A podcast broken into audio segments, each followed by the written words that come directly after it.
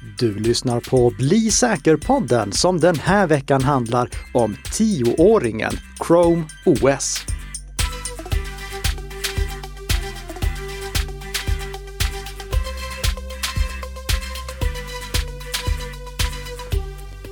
God morgon, god morgon Tess! Nej men god morgon, god morgon Nicka. En tioåring alltså? Ja, förra året då fyllde Chromebook och Chrome OS tio år.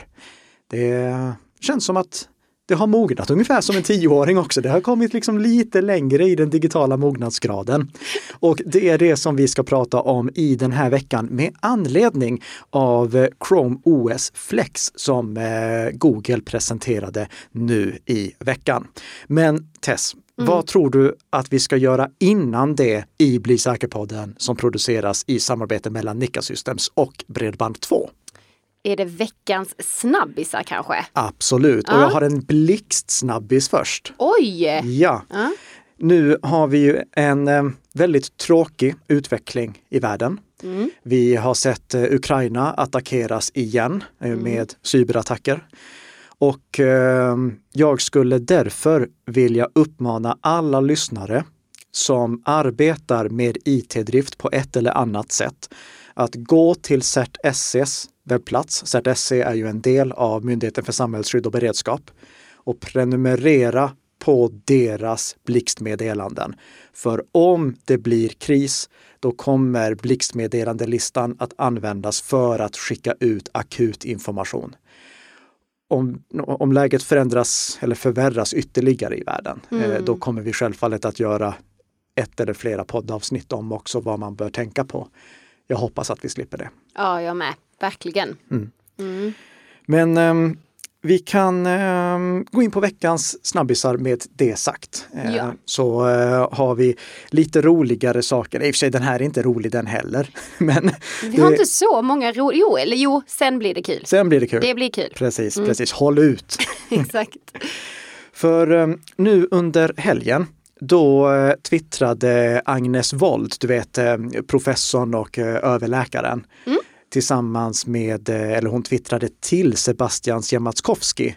Även om jag vet att jag uttalade det efternamnet fel. Det ska inte uttalas så, men eh, jag minns inte hur han vill att man ska uttala det. Klarnas vd då? Exakt. Ja. För eh, Agnes Wold hade råkat ut för en id-kapning där någon hade handlat för 145 kronor i hennes namn och Agnes fick då en faktura.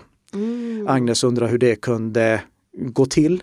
Och det är ju på grund av att, som vi pratade om i förra veckans podd, att det är inte krav på e-legitimering för att handla på nätet mot faktura. Nej.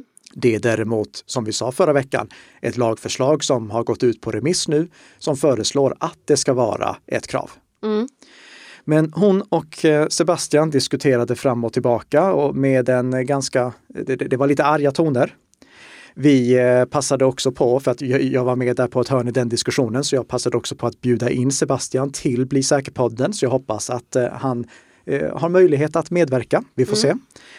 Och jag skulle egentligen bara med anledning av det här vilja påminna alla lyssnare om att även om att den här spärren inte är på plats rent lagmässigt. Det är inte krav på Klarna och Qliro att de ska kräva bank-id när någon handlar mot faktura.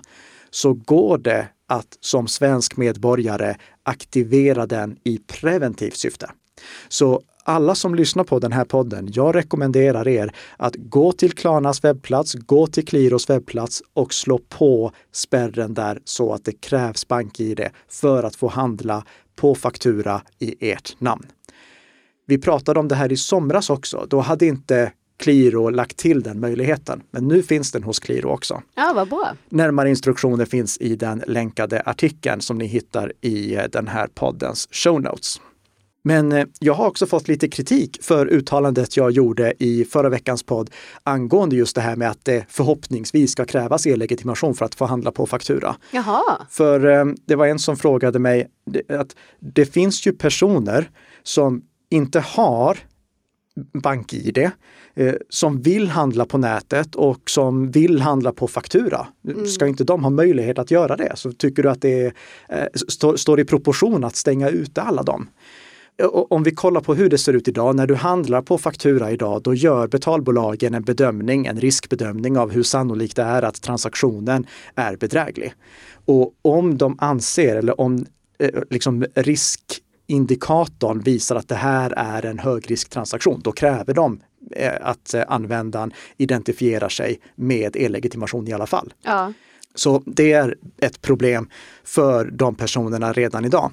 Sen på sikt så ser jag ju att vi måste få in digital identifiering på allt fler ställen. Jag tänker med kontrakt och liknande också. Vi kan inte fortsätta att låta någon rita en ananas som namnteckning och vi ska godkänna att det är en riktig namnteckning, en riktig signering. Vi måste ha säkrare lösningar där. Mm. Så eh, oavsett vad så ser jag ju en framtid där alla faktiskt har någon typ av e-legitimation. Och jag säger inte nödvändigtvis att det ska vara BankID, för att BankID har också sina begränsningar. Vi behöver en flora av olika lösningar för att det här ska bli driftsäkert också. För vi vet, det händer att BankID har störningar. Då ska inte allting förlita sig på BankID. Idag finns det fyra stycken e-legitimationer som är godkända av DIGG-myndigheten. Ja. Jag, jag, ser ju att vi ska gärna använda så många som möjligt av dem. Sen finns det de som inte vill att eh, deras eh, äldre nära och kära ska ha lätt åtkomst till mobilt bank-id exempelvis för att risken är att eh, de personerna blir lurade. Mm. Men istället för att då tänka okej, okay, då ska vi gå tillbaka till att rita våra namn på en streckad linje. Då, då ska vi ju innovera vidare så som till exempel Freja e-id gör. De har en lösning som de kallar delad kontroll. Och det innebär egentligen att om eh, en äldre person, eller oftast äldre person, mm. har Freja e-id och eh, känner sig otrygg med att signera saker eller att identifiera sig med det på grund av de bedrägeririsker som vi ofta pratar om i den här podden. Då kan den personen aktivera delad kontroll tillsammans med till exempel sitt barn.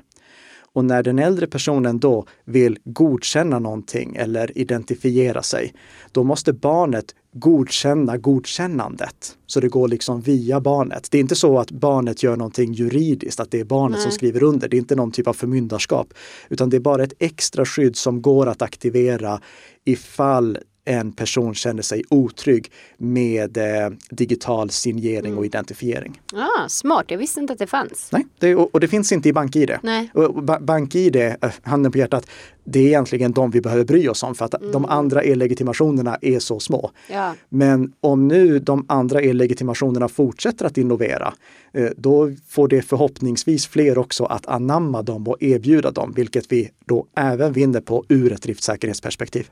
Verkligen. Okej, ska vi zooma vidare? Mika? Oh. oh, smooth! Kommer du med dina övergångar där? Exakt, nu ska vi snacka om Zoom.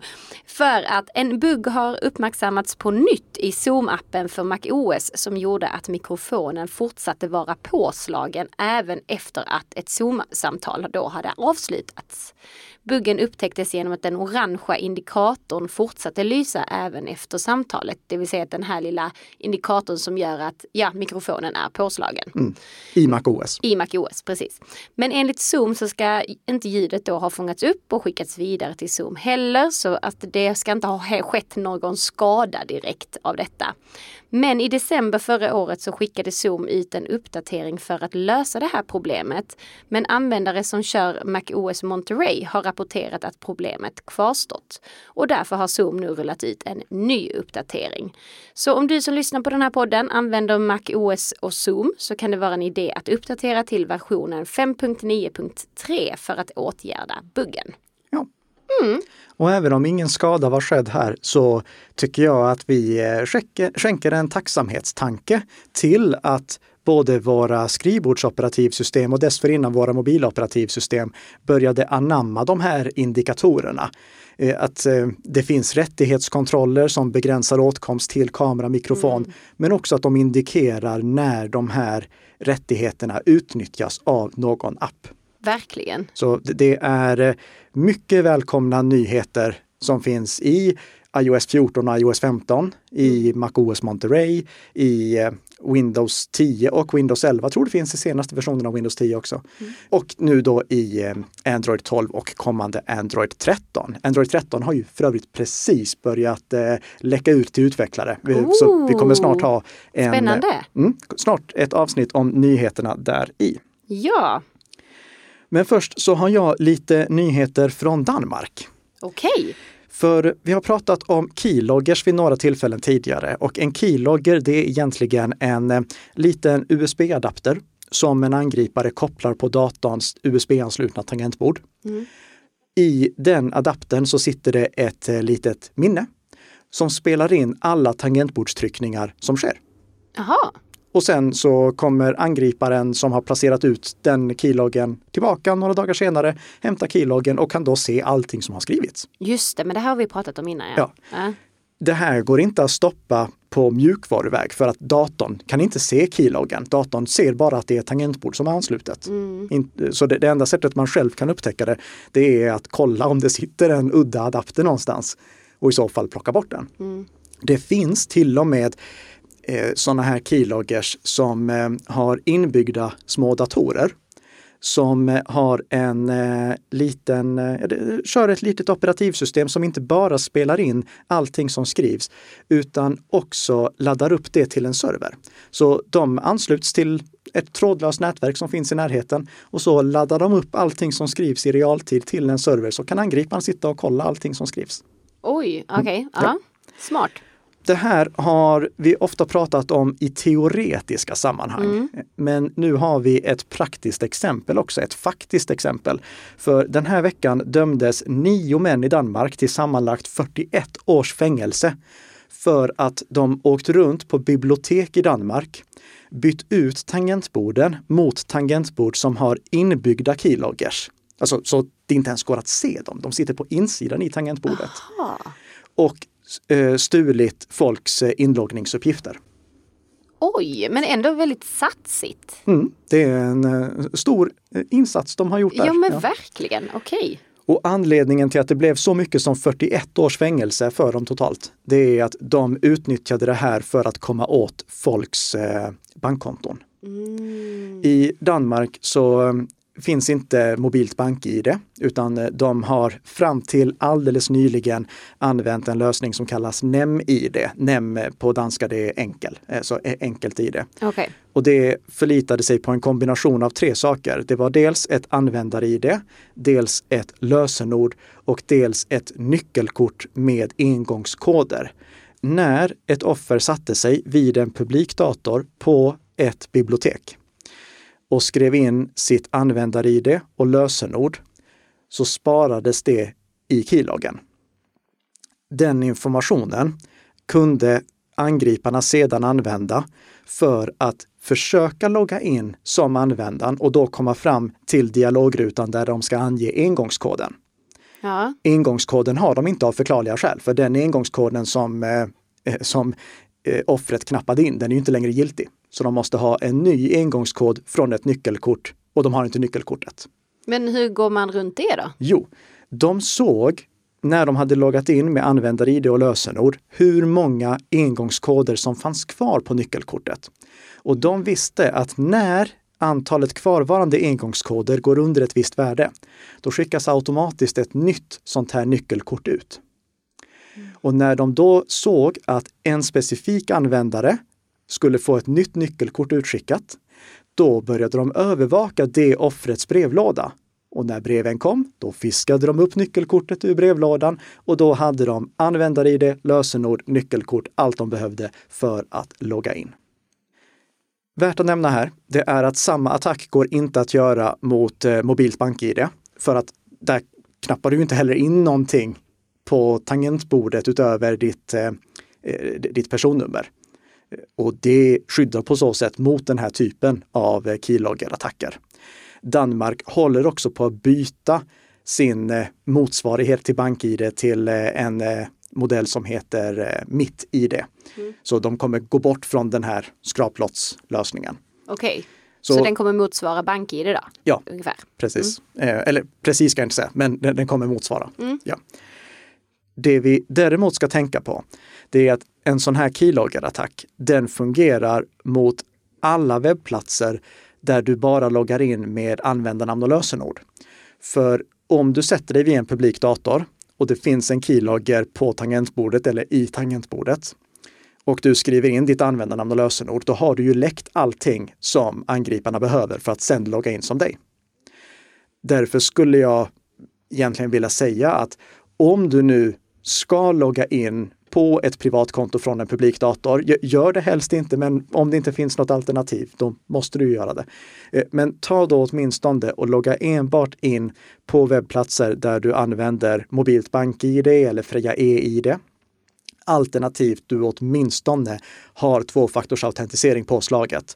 För att då måste du ju både ange ditt lösenord och en tidsbegränsad engångskod. Mm den tidsbegränsade engångskoden är inte värd någonting några sekunder senare.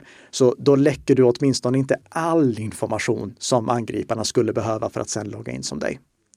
Så eh, se till att eh, om du använder publika datorer, använd då också till exempel e-posttjänster som stödjer tvåfaktorsautentisering och se till att ha det påslaget på alla sociala medier.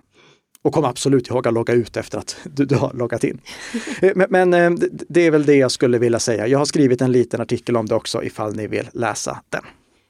Okej Nicka, mm. då är det dags för veckans huvudämne och vi ska snacka om Chromebooks som firar 10. Ja, Chromebooks är extremt populära i USA och de börjar bli ganska populära i Sverige också. Jag kollade på Prisjakt precis innan vi gick in hit för att spela in och den tredje mest eftersökta datorn där i Prisjakts popularitetsrankning, det var en Chromebook. Det var en eh, Lenovo IdeaPad 3 som kostade 3290 kronor. Mm. Det är en väldigt okay. billig dator. Ja, verkligen. Och det är ju det främsta argumentet som eh, Chrome Books har. Det, det, är anledningen till att de flesta som skaffar en Chromebook väljer just en Chromebook. Det är att mm. det är så billigt. Och med Chromebooks då menar jag inte bara Chromebooks som är som vilken laptop som helst utan också eh, Chrome Sticks som ser ut som små USB-stickor men innehåller en hel dator. Eh, Chromeboxes som ser ut som stationära datorer. Mm. Och det, det, finns faktiskt några surfplattor som kör Chrome OS också på ett misslyckat sätt. Ouch! ja. Okej, okay, nej, nej, men um, uh, så Chromebooks använder jag nu som en samlingsterm, alla datorer som mm. kör Chrome OS. Och Chrome OS är ju ett av Googles operativsystem som i grund och botten är en Linux-distribution, men en extremt nedlåst sådan som bara kör en app. Och det är Chrome. Aha. Så en Chromebook, det är alltså en dator som bara kör Chrome. Men För, hur funkar det då? Ja, i och med att alltså, du hade nog till och med klarat dig ganska bra med en Chromebook i och med att du gör så mycket i webbläsaren. Mm. Du använder ju webbversionen av eh, Microsoft Office, mm. vilket jag inte gör utan jag vill ha det installerat. Men du verkar klara dig på eh, ja. webbversionen och tycka om det till och med. Eh, och Google Docs körde du tidigare. Photoshop kanske du inte... Nej, det blir ju svårare. Ja. Mm. Men väldigt många klarar sig på rena webbapplikationer idag. Och på Chrome OS så kan du installera inom citationstecken appar, men egentligen så är det då bara webbplatser som du ger en egen ikon. Mm. Det här gör att Chrome OS kan köras på supersimpel hårdvara. Det krävs inte alls kraftfull hårdvara för att dra runt den här lätta Linux-distributionen med en webbläsare på. Och det är lätt att underhålla det, för precis som du startar om Chrome på datorn ibland för att installera en uppdatering, mm. så startar du om din Chromebook ibland för att installera en uppdatering. Det, det, det är inte svårare Nej. än så. Nej. Och det här gör också att risken för infektion i Chrome OS är extremt låg. För om ett skadeprogram ska infektera dig, då måste du liksom installera någonting. Men på Chrome OS installerar du ingenting. Du kan lägga till en webbplatsikon. Så risken för, vi, vi, har inte sett någon eh, stor skadeprogramspridning där massvis av Chromebook-datorer har blivit utpressningskrypterade eller någonting sånt. Nej. Så det är ett väldigt simpelt operativsystem som är lätt att hålla säkert. Sen finns det självfallet risker med att använda Chrome OS också. Du kan till exempel råka installera ett, eh, ett skadligt tillägg, ett tillägg som eh, stjäl dina inloggningsuppgifter. Mm. Precis som du kan installera det i Chrome på din dator. Mm. Och eh, du kan fortfarande hamna på bedrägliga webbplatser. Men med det sagt så är datorn i sig väldigt säker. Du har bara resten av nätriskerna, riskerna på webben, att ha i åtanke. Sen sa jag inledningsvis att eh, Chrome OS har blivit lite mognare med åren. Ja. Och det är för att med tiden så har faktiskt Google lagt till lite bonusfunktioner som är bra att ha. Till exempel så kan man sedan några år tillbaka komma åt eh, Google Play så man kan installera Android-appar. Mm. Det är ingen angenäm upplevelse men det, det går att göra. Det, eh, och det är förresten någonting som nu också går att göra i Windows 11. Eh, det pratade vi om i avsnittet om nyheterna i Windows 11. Då berättade jag att man kommer kunna installera Android-appar. Mm. Inte genom Google Play, men det kommer gå att installera Android-appar. Det går att göra i den senaste versionen av Windows 11, men inte för oss i Sverige. Aj då, ja, där kom det, den. Mm. Det kan vi bortse ifrån. Ja. Det går också i Chrome OS att uh, köra Linux-appar. Jaha. Ganska nytt faktiskt. Det går på utvalda modeller från uh, före 2019. Ehm, jag kan lägga med en lista över de mm. Eh, eh, kompatibla modellerna och det går på nästan alla modeller efter 2019. Så då, då kan man installera Linux-applikationer för att få ännu mer eh, kraft och ännu mer offline-stöd. Det offline-stöd som finns i Chrome-apparna, eller Chrome OS-apparna mm. som då egentligen bara är webbplatser. Det är när webbplatserna i sig möjliggör offline-läge. Gmail har det, Youtube har det, eh, Netflix har det. Så det, där går det liksom att köra offline även om det är en webbplats i sig. Men vill man ha traditionella Linux-appar, mm. då kan man aktivera det. Och då kommer självfallet risker i och med att då börjar man kunna installera saker. Men det är någonting som fortfarande bara vänder sig till nördar. Nördar mm. som vill ha Chromebooks. Och det är någonting som man måste aktivera manuellt, det är inte påslaget som standard. Så Nej, Chrome OS håller sig fortfarande som en, eh, ett operativsystem som är väldigt svårt att eh, infektera väldigt enkelt att hålla säkert och väldigt prisvärt om man ser hur mycket dator man får för pengarna. Så vad är nackdelen egentligen? Det var ursprungligen att eh, Chromebooks inte var gjorda för att hålla. Chromebooks tillverkades för slit och slängbruk. Aha. Och det kanske inte alla Chromebook-tillverkare håller med mig om. Men, men, men, är det då med säkerhetsuppdateringar och sånt? Då? Exakt, för inledningsvis då eh, försågs Chromebooks bara med säkerhetsuppdateringar i fem år från tillverkning, eller från försäljningsstart. Mm. Så det kan hända att eh, du hittade en Chromebook som kanske släpptes för ett och ett halvt år sedan. Och då hade du bara tre och ett halvt år kvar av säkerhetsuppdateringar på den datorn. Mm. Så det, det var verkligen en eh, slit och släng framtagen produkt, tyvärr. Mm. Samtidigt, det här vände sig framförallt till till exempel låg och mellanstadieelever. Och då vet jag inte ifall de datorerna hade hållit mer än tre år i alla fall. Nej. Med tanke på användarna. Men, men, men det, var, det, det, var, det var synd får jag säga att det, det inte underhölls längre. Nu har Google faktiskt eh, börjat ta underhållet lite mer på allvar. Så nu utlovar de minst åtta år av säkerhetsuppdateringar för Chromebook-plattformar från att första datorn som baseras på den Chromebook-plattformen börjar släppas. Och vad menar du då med plattform? Ja, det, det var ett väldigt krångligt sätt att säga det in sig. Ja, okay, men, men, men, tänk som så här. Eh, Google tar fram liksom referensplattformar med en specifik eh, processor och med en specifik inbyggd grafikprocessor. Mm. Den första datorn som någon av partnertillverkarna, HP, Dell, Lenovo tillverkar på den plattformen sätter starten. Sen kan det tillverkas fler datorer på den plattformen något år senare. Mm. Och då är det från att den första datorn på den plattformen började säljas som de åtta åren räknas. Så det kan hända att du köper en dator som kommer ett år in i den eh, generationen av plattform, mm. ett år efter att den datorn släpptes. Och då har du bara sex år. Ah, Okej, okay, mm. då är jag med. Mm. Ja. Men det, det, det, är fortfarande bättre. Det, det som jag skulle rekommendera alla att göra, det är egentligen att kolla i våra show notes. Där finns en länk till en lista över alla officiella Chromebook-modeller och hur länge de underhålls. Om ni funderar på att köpa en Chromebook, kolla alltid den listan. Ha den bokmärkt så att ni ser hur länge den datorn får uppdateringar. Så att ni inte köper liksom en gammal dator som slutar underhållas om två år redan. Mm, smart. Ja.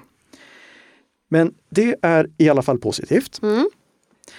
Sen så har vi då det som är nytt och för att förklara det som är nytt så måste vi först och främst backa tillbaka till 2020.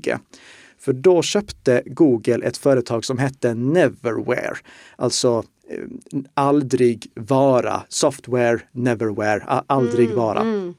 Det var ett företag som utvecklade en version av Chromium OS. Chromium OS är öppen källkodsgrunden som Chrome OS bygger på.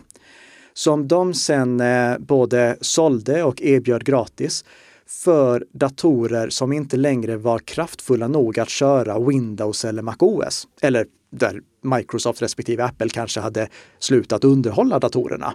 För det, det har vi ju sett nu. Vi, jag klagade eh, i fjol på att Apple plötsligt bara underhöll vissa mackar i nio år. Mm, just det. Det, det, det var galet enligt mig. Ja. Och Microsoft, vi vet ju inte vad de gör nu, för tidigare var Microsoft jätteduktiga på att låta nya versioner, vara, eh, nya versioner av Windows vara kompatibel med gammal hårdvara. Ja. Men nu så vet vi ju att eh, 2025 är slutdatum för Windows 10. ja, Och det är inte alla datorer från 2018 som kan uppdatera till Windows 11. Nej. Så vad kommer hända då?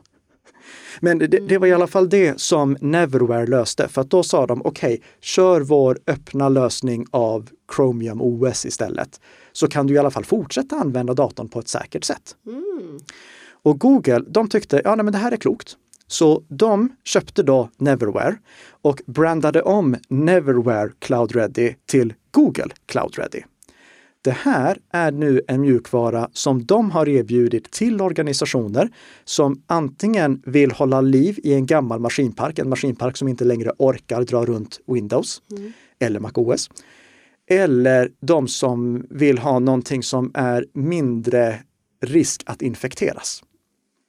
Minns du när jag berättade i december om att jag hade bott på ett av Nordic Choice Hotels? Du vet eh, Quality Hotel, eh, vad är det mer som är där? Clarion och eh, Comfort Hotel. Ja, precis. När de hade blivit attackerade. Exakt, Ja. utpressningskrypterade och den stackars receptionisten var tvungen att springa och låsa upp dörren åt mig. Ja. De, eh, Nordic Choice Hotel, de har nu meddelat att efter att det här hände så har de slängt ut Windows och de kör numera Google Cloud Ready på alla sina datorer. Jaha, Mm. okej. Så det här är någonting som nu faktiskt börjar ta sig i Sverige. Är det en bra grej då? Ja, för, för att hålla liv i gamla datorer, absolut. Du, du kan inte göra lika mycket på datorerna, men samtidigt risken att de infekteras är mindre. Sen så är det ju en liten problematisk sak ur ett GDPR-perspektiv. Ja, det var det jag tänkte. Så ma- man måste vara noga med hur datan sparas. Standard är ju att eh, man använder Googles tjänster, men det är inte säkert att du kan spara data där. Men det, det är en annan sak. Ja, det, ja. det är någonting som organisationerna får lösa. Google, de ser helt klart en framtid med det här. Så de har lanserat en uppföljning till det som de köpte av Neverware. Så de kommer på sikt att börja erbjuda det som kallas Chrome OS Flex istället. Och det här lanserade de nu i veckan i en, en betaversion. Så framöver, då kommer det finnas Chrome OS som är det som körs på officiella Chromebooks och officiella Chromebits, officiella Chromeboxes. Mm. Och sen så finns Chrome OS Flex. Där Chrome OS Flex erbjuder samma grundfunktionalitet. Det är en väldigt, väldigt lätt Linux-distribution med eh, eh, webbläsaren Chrome. Skillnaden ligger framförallt i att det finns inte lika många säkerhetsfunktioner i Chrome OS Flex nödvändigtvis för att det finns inte alltid den hårdvaran som krävs. För användaren blir den stora skillnaden att Chrome OS Flex inte stödjer Android-appar. Eh, Så Google Play finns inte där. Och Okej. eh, det kommer inte heller finnas någon terminal, så det kommer troligtvis inte gå att installera Linux på dem. Så det, det, det är en lite mer begränsad version. Men den kommer vara gratis för privatpersoner. Jaha. Och det här är någonting som man kan testa redan nu om man vill. Så har man en gammal dator som man tycker att ja, det vore trivsamt om jag kunde hålla liv i den här. Till exempel en gammal Mac som eh, eh inte kan uppdateras efter MacOS High Sierra. Det, om vi kollar i Apple-bubblan på Facebook. Det är så många som vill sälja sina sådana gamla datorer nu. Och jag är elak och skriver den där bör du liksom inte ens använda för att den får inte längre säkerhetsuppdateringar. Så nu kan du ändra egentligen, men då måste du göra det här först då? Ja, alltså det är datorer som kan få nytt liv mm. Och fortsätta användas i många år framöver med Chrome OS Flex. Någonting som inte är lika funktionellt, men som åtminstone hålls säkert. Mm. Och jag tror framför allt att de som vill ha en dator där risken för att göra fel är så låg som möjligt de skulle nog kunna attraheras av eh, Chrome OS Flex. Precis som jag har förespråkat att de ska använda iPad OS. För mm. iPad OS är ju också ett sånt här operativsystem som visserligen kan göra mycket, mycket mer än Chrome OS, men där risken att användaren gör fel är minimal. Vi har ju inte heller sett utpressningstrojaner spridas bland iPads. Nej, nej, det är sant. Så jag får säga att eh, tioåringen, eh, Chrome OS, den fortsätter att utvecklas mm. och den utvecklas i positiv riktning. Det ska bli kul att se ifall fler företag och organisationer i Sverige väljer att hoppa på Chrome OS och använda det på sina datorer istället för Windows eller Mac OS. Ja, verkligen. Så har ni tips om organisationer utanför skolans värld då, som använder Chrome OS, skriv det jättegärna i kommentarsfältet på Nika Systems webbplats eller på Facebook. Och eh, när ni ändå är inne och håller på att skriva och sånt, kanske passa på att skriva en liten recension av podden också. Och framförallt, tryck på prenumerera. För att då får du redan nästa vecka ett nytt avsnitt av Bli säker-podden som gör dig lite säkrare för varje vecka som går. Tack för att du har lyssnat och trevlig helg! Trevlig helg!